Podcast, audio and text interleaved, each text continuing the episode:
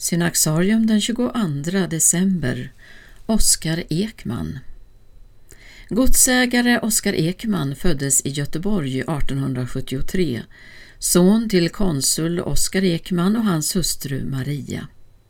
Han döptes av familjens vän, domprosten Peter Wisselgren. Under hans uppväxt bodde familjen under vinterhalvåret i Stockholm där fadern var riksdagsman. Somrarna tillbringade de på Bjärka-Säby. På 1890-talet inledde Oskar Ekman akademiska studier i Uppsala och lärde då känna bland andra Manfred Björkqvist och Nathan Söderblom. En kort tid efter sin examen insjuknade han i tuberkulos, tidens stora folksjukdom i Sverige. Han övervann sjukdomen men hade en bräcklig hälsa livet ut. Oskar Ekman var 26 år när han fick ansvar för Bjärka Säby-godset. Med sitt brinnande forskningsintresse hade han sannolikt tänkt sig en annan bana. Men med plikttrohet åtog han sig det uppdrag han anförtrotts av fadern. Jag har aldrig någonsin träffat en människa som tagit sin livsuppgift allvarligare, skrev Manfred Björkqvist. År 1909 ingick Oskar Ekman äktenskap med den levnadsglada och musikaliska Anna Sondén.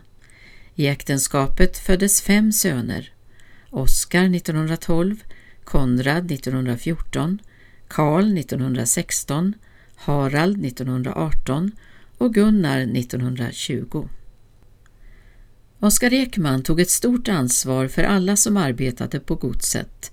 Han tillhörde kategorin benådade människor, skriver forskaren Torbjörn Fogelberg. En ljusgestalt som lämnade ett mycket stort tomrum efter sig.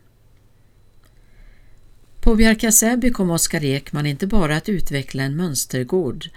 Här formade han en andlig miljö präglad av hans två valspråk, esse non videri ora et labora.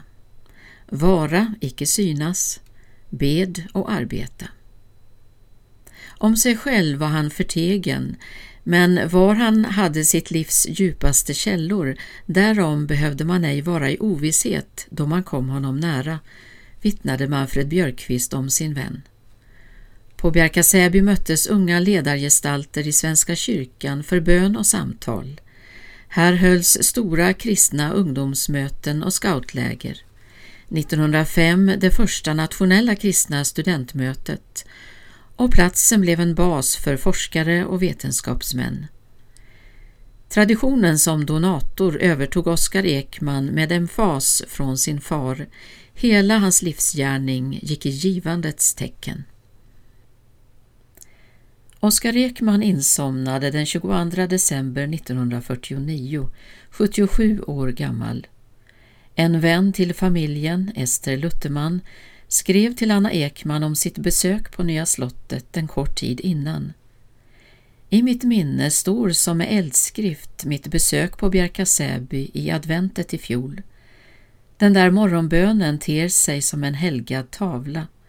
Det har strömmat en flod av välsignelse ut till många, många under de decennier då Bjärka Säby letts av din makes hand. Det är ett arv som förpliktar.